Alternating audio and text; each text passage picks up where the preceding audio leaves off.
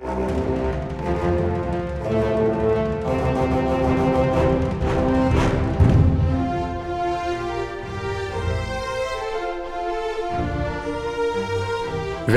til Frankrike forklart, en podkast der du får svar på alt du lurer på om Frankrike. Mitt navn er Geir Uvsluk. Og mitt navn er Frank Urban. I dagens Frankrike forklart skal vi faktisk snakke om dere nordmenn. Hva er kunsten å være norsk? Hvilket samfunn lever vi i? Hvilke verdier styrer oss bevisst eller ubevisst? Hva er det som er typisk ved å være norsk? Og ikke minst, hvordan blir Norge og nordmenn sett på med franske øyne?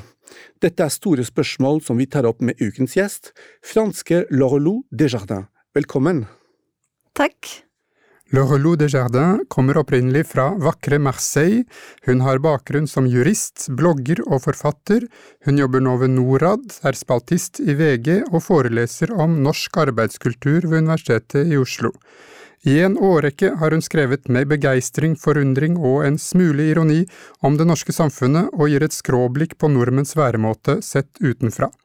I 2017 kom hun med boken En frosk i fjorden, kunsten å bli norsk, eh, som nå lanseres på engelsk med tittelen A A Frog in a Fjord, One Year in Norway, på forlaget North Press.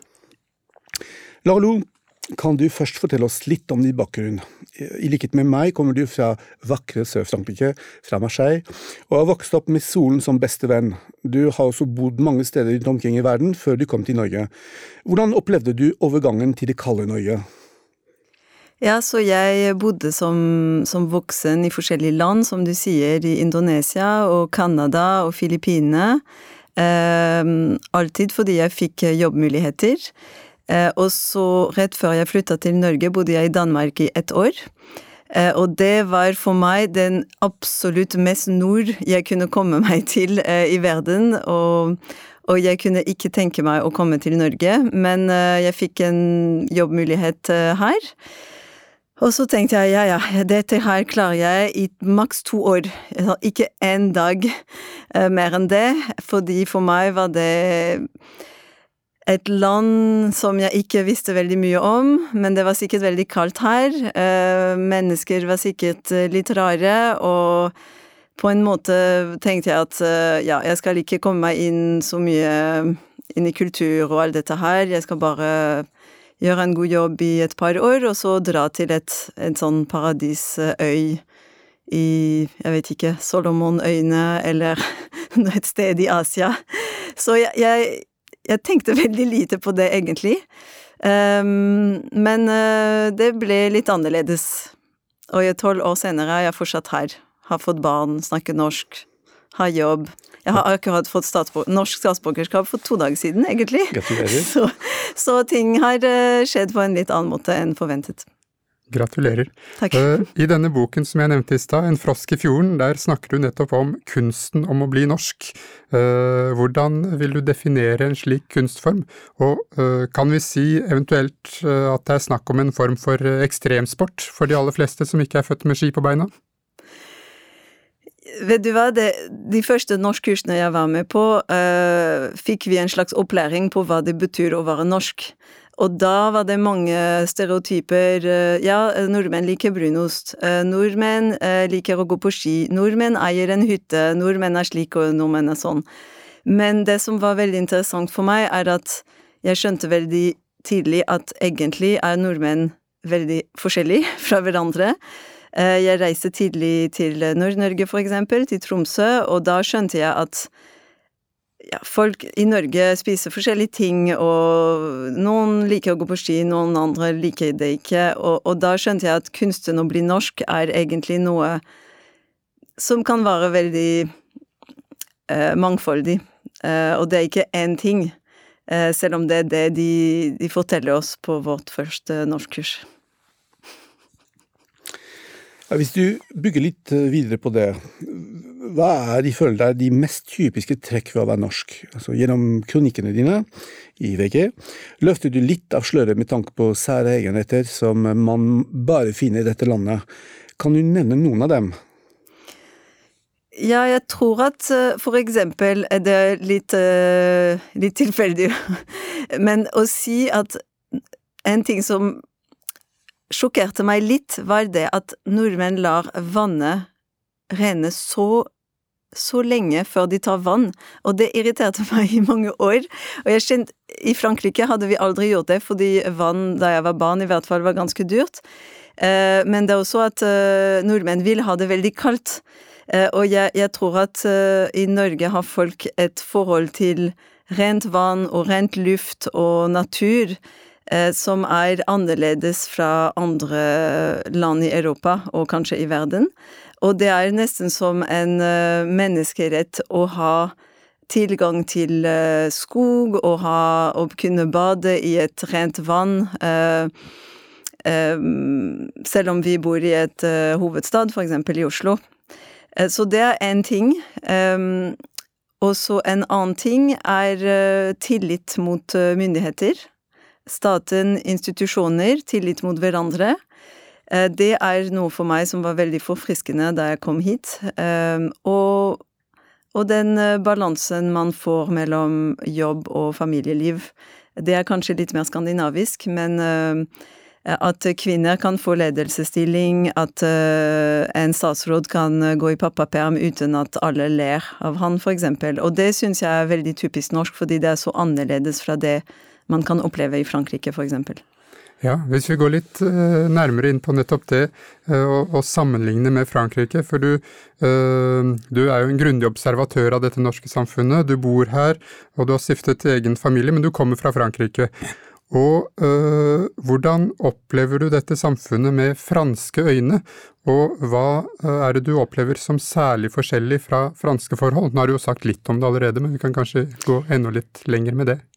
Ja, det er eh, fordi Norge var så interessant for meg da jeg kom meg, jeg kom meg inn i kulturen, men eh, også historien, og da fant jeg ut at uh, selv om kirkene er ganske litt tomme i den perioden nå, betyr det ikke at protestantisme har ikke påvirket det norske samfunnet ganske kraftig.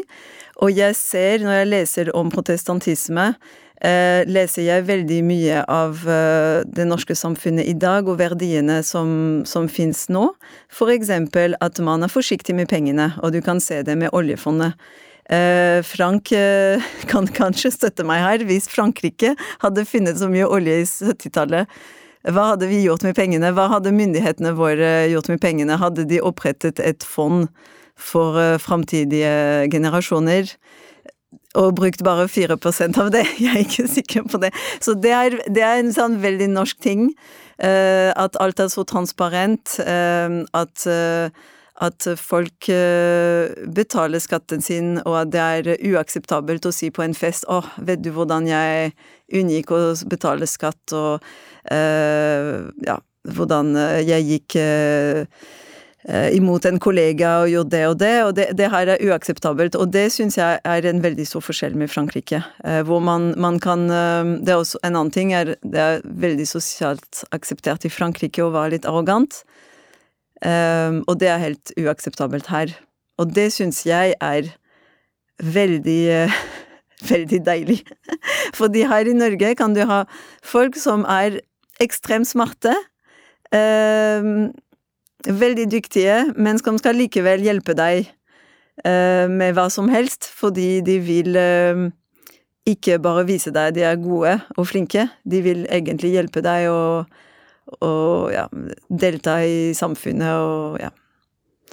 Vi snakker om franske forhold, ikke sant? men så, både du og jeg er jo fra Sør-Frankrike, så det, det, er kanskje ikke det samme Frankrike som om man hadde snakket om Normandie eller Alsace. Hva, som sørfransk, hva, hva, hva, er det som hva er det som overrasker deg ved, ved, ved, dette samfunnet? Hva er det som skiller det du er kjent med fra Norge og fra Oslo, fra, fra livet i Sør-Frankrike f.eks.?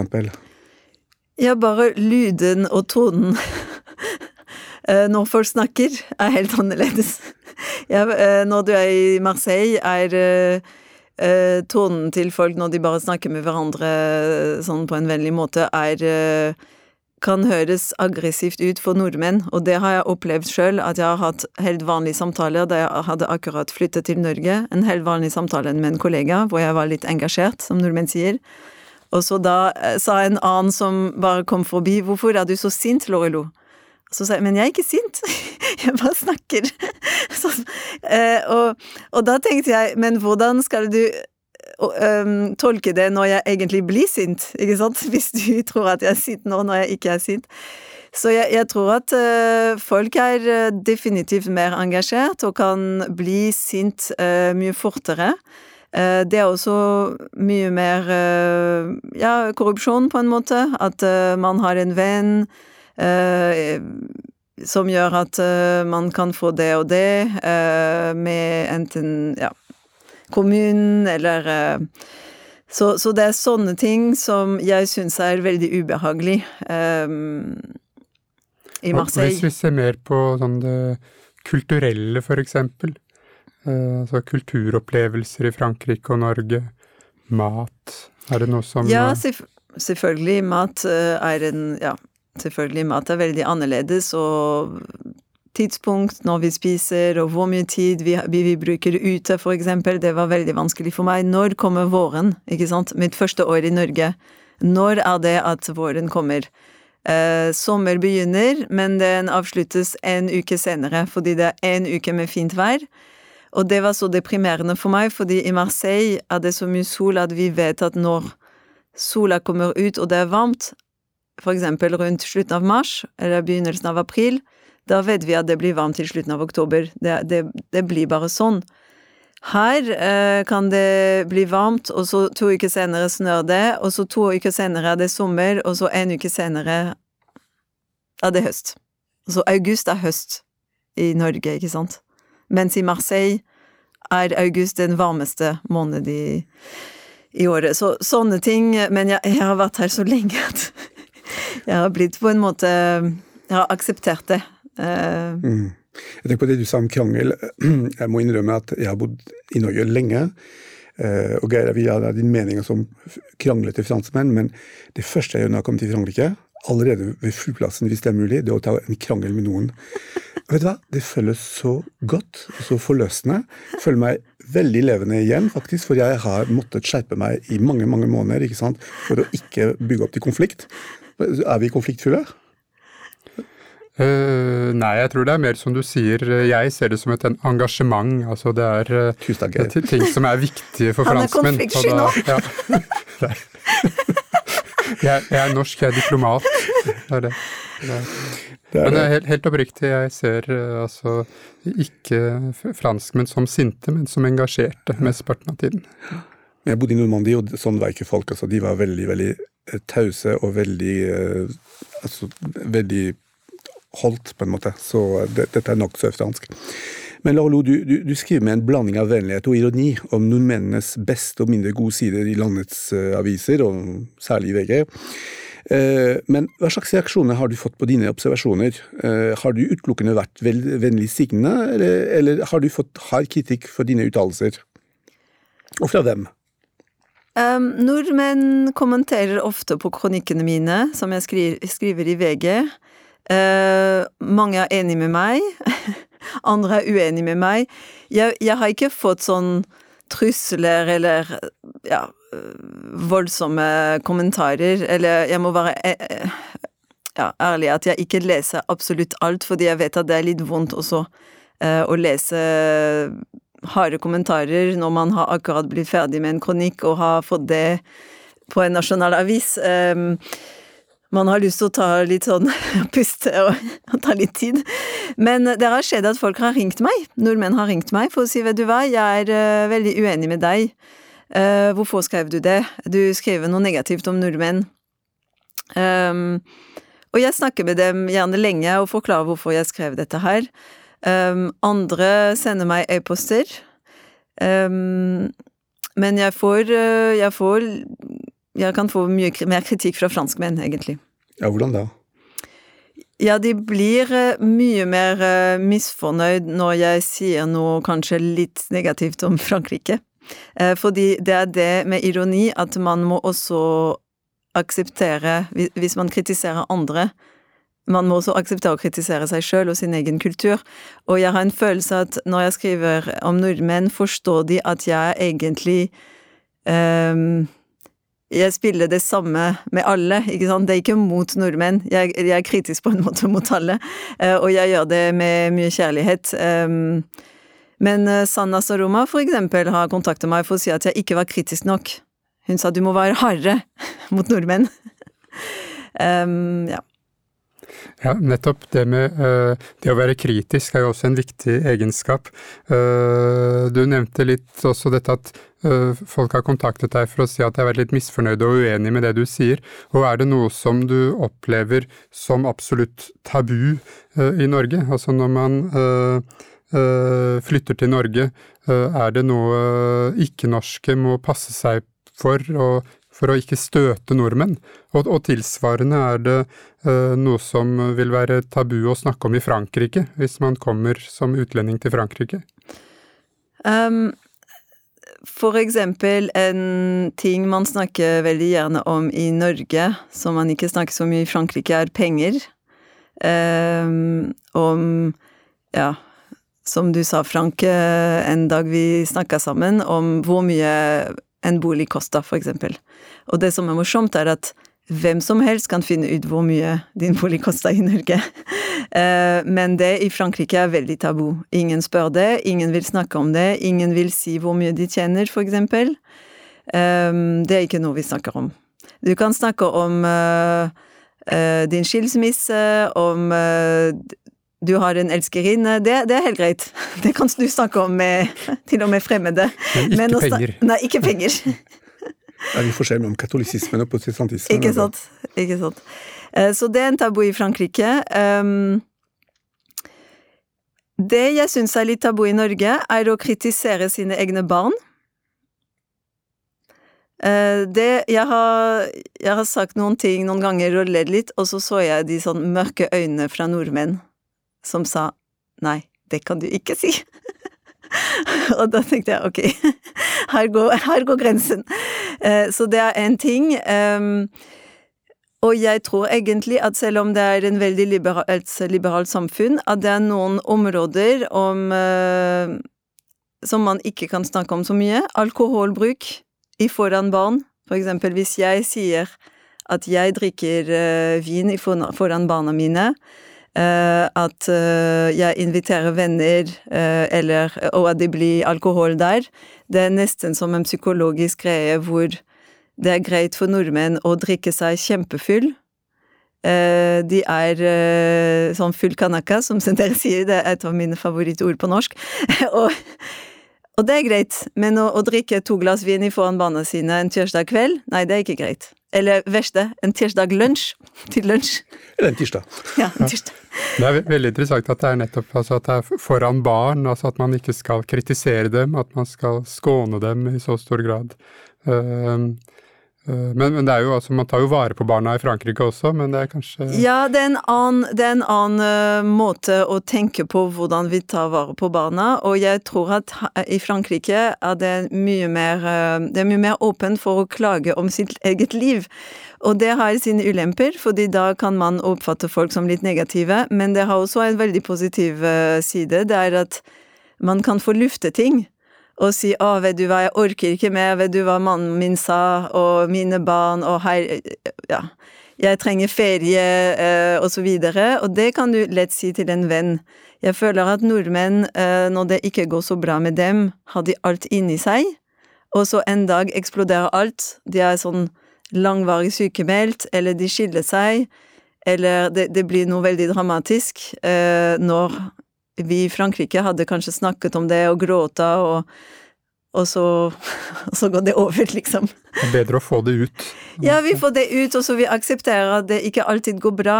Uh, I Norge det er en slags fasade, og det syns jeg er litt vanskelig. Det er at det er også litt tabu å si at det ikke går så bra, fordi du får veldig ofte svar ja, men du har et fint rekehus, og du har en uh, snill mann, og du har uh, et fint liv, sånn hvorfor klager du? Og vet du hva, det er greit å ikke ha det fint. Det, det er ikke fordi du har et rekkehus at du må være lykkelig 100% av tiden. Det, det, holder ikke alltid sammen. jeg syns uttrykket, når du spør noen hvordan de, hvordan de går med dem, så sier de bare bra. Så lurer jeg på, Hva betyr egentlig bare bra? Det går greit. Det, hva betyr det? Det går greit. Alt går greit, og alt går fint. Og... Så noen ganger har jeg lyst til at folk sier Vet du hva, det går til helvete altså, altså, det syns jeg er sunt. Så jeg savner det litt. Eh, jeg savner det litt at folk bare sier ting som de er, ikke sant. Og det er også en protestantting, føler jeg, at vi må lide, og vi må vente. Og vi må være stille. Så nordmenn bør klage litt mer? Jeg syns at det hadde vært uh, godt for folk og for psykisk helse, egentlig, at folk lufter ting litt mer, og at uh, andre er klarer å tåle det. At andre lufter ting. Ja. Et godt eksempel på det om dagen, det er jo folk som bader 17. mai eller 1. januar. Og så jeg prøvde å lure på hvorfor gjør man det egentlig, og så får du beskjed om at eh, fordi det er veldig godt. Så, så har jeg prøvd selv. Det, det, er veldig kaldt. Hvordan kan det være godt og kaldt samtidig? Det, det skjønner jeg ikke helt. Men jeg har sett, jeg har sett på, vi har sett litt på de kronikkene som du har skrevet, og i en kronikk som du skrev i januar i år i VG, eh, så snakket du om hvordan covid-tiltakene praktiseres av folk flest i Norge og Frankrike. Og Du var selv veldig sjokkert over hvor lite hensyn finansmennene tar eh, til disse tiltakene, og hvor utbredt konspirasjonstenkning rundt covid-krisen er i ulike miljøer, også blant dine venner og familie, og jeg kjenner meg litt igjen i dette her. Hvordan, du hvordan, hvordan forklarer du forskjellen mellom den franske og den norske væremåten når det gjelder håndtering av krisen, av covid-krisen f.eks.? Um, da, da, Norge ble nedstengt 12. mars i fjor, uh, var det egentlig veldig interessant, fordi vi forberedte oss for å være inne, gjøre ingenting eh, og bare vente. Fordi Erna Solberg sa nå må dere eh, gjøre dette her og dette her. Og så tre dager senere skulle alle i Frankrike stemme. Fordi det var et valg. Eh, og jeg var litt, litt sjokkert, fordi jeg ringte foreldrene mine og sa jeg håper at dere ikke skal stemme fordi det er en pandemi, og det her må vi passe på. Og så sa de nei, vet du hva, det er bare tull, og det fins ikke egentlig, og det skal gå bra. Og så etter det um, og, ja, følte jeg at det, det var sånn to parallelle fortellinger i Frankrike og i Norge om hvordan vi opplever den pandemien, og hvordan vi opplever hva våre regjeringene sier. Um, og jeg tror at eh, forskjellen er at i Norge har vi stor tillit til regjeringen, og vi har stor tillit til Folkehelseinstitutt, og at hvis de bestemmer det og det, betyr det at de har tenkt på det veldig mye, og de vet mer enn vi vet, fordi jeg er ikke epidemiolog. Eh, jeg har ikke peiling på helseproblemer og ja. Så, så, da stoler vi på det, på den vurderingen. I Frankrike føles det som hver gang regjeringen tok en beslutning, var det uansett feil. Hvis de sa at nei, du trenger ikke munnbind, var det feil, fordi da sa folk men hvorfor vil de ikke beskytte oss? Og så sa de uh, ja, dere må ha munnbind på, og så sa de ja, men det er fordi uh, de som produserer munnbind, har en avtale, hemmelig avtale med regjeringen, og da vil de uh, at de får penger. Så det, det føltes som det var alltid Det var alltid feil, uh, og de trodde ikke på det som ble sagt um, om vaksiner, om uh, hvor raskt sånn viruset sprer seg. Og når du har folk som ikke tror på det som er sagt, er det vanskelig, tenker jeg, å få folk å gjøre hva som trengs for å stoppe pandemien. Ja, Du hadde jo den berømte dr. Raoult i din egen by, så det, det hjalp ikke? Sikkert. Nei, han er eh, fortsatt der, og Sier fortsatt rare ting. Om at, ja. Eh, Men han er som en gud i Marseille. Ja. Han er som en gud. Han, eh, han følges av mange, og det er mange som nekter, nekter, å vaksineres, for de sier nei, trenger ikke det. Jeg kan dra til Raoult. Hva, hva, var det, hva var det, kort sagt, hva, var det han, hva, hva står han for?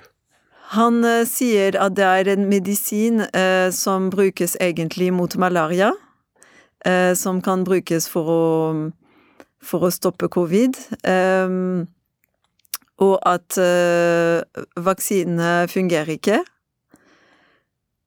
og at han har en alternativ måte å behandle covid-19 på. Mm, han er ikke alene om det. Det er en veldig god podkast som heter Konspirama, som, eh, som tar opp eh, disse ikke, ikke, bare leger eller professorer, men også blant franske artister, eh, sangere, forfattere. Altså det er en bred konspirasjonstenkning i samfunnet som er ganske urovekkende, egentlig. Ja. Må jo også understreke at ikke alle franskmenn tror på konspirasjonsteorier, men det er sant at det er ganske mange og en del markante personligheter som gjør det. Og så er det vanskelig å sammenligne nettstengning i Norge og Frankrike, for det, har vært en full nettstengning i Frankrike over lang tid. Så folk var jo innesperret uh, og kunne ikke gå ut.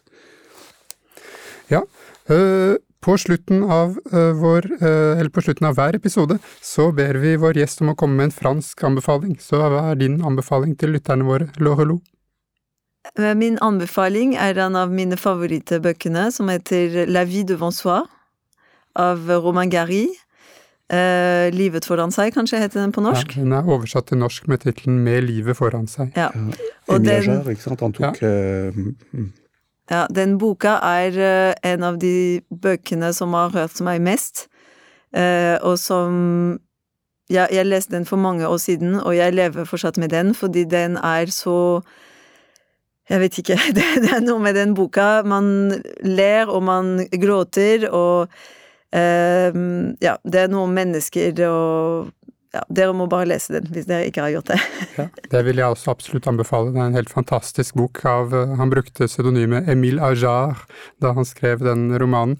Uh, den eneste franske forfatteren som har fått Goncourt-prisen to ganger. Uh, og helt utrolig, det er et språklig fyrverkeri av en roman. Og Frank, har du også en anbefaling? Ja, det, det har jeg, Geir. Og jeg vil bare påpeke at uh, Roman Gari var jo bosatt i Nis, som er min uh, fødeby. Nå har jeg sagt det. Uh, det er mange franskmenn som har besøkt Norge gjennom tidene, men jeg valgte en av de som besøkte Norge i 1870, mens ryktet om en nærstående fransk prøyssisk krig ble stadig klarere, og ikke hvem som helst, selveste Ernest Renan, som forteller om sin reise med båt fra Saint-Malo helt opp til Bergen, Trondheim, Tromsø og Lofoten.